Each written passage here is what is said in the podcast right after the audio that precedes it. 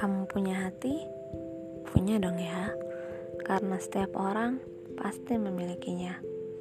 Hmm, kamu tahu tidak? Setiap hal yang berkaitan dengan hati itu menarik. Kamu pernah merasa gembira, marah, sedih, kecewa, galau, atau bahkan patah hati. Di dalam hati, semua rasa bercampur menjadi satu, seperti nano-nano. Dan topik itulah yang nantinya akan kutuangkan di dalam setiap episode setelah ini. Namaku Ai. Salam kenal.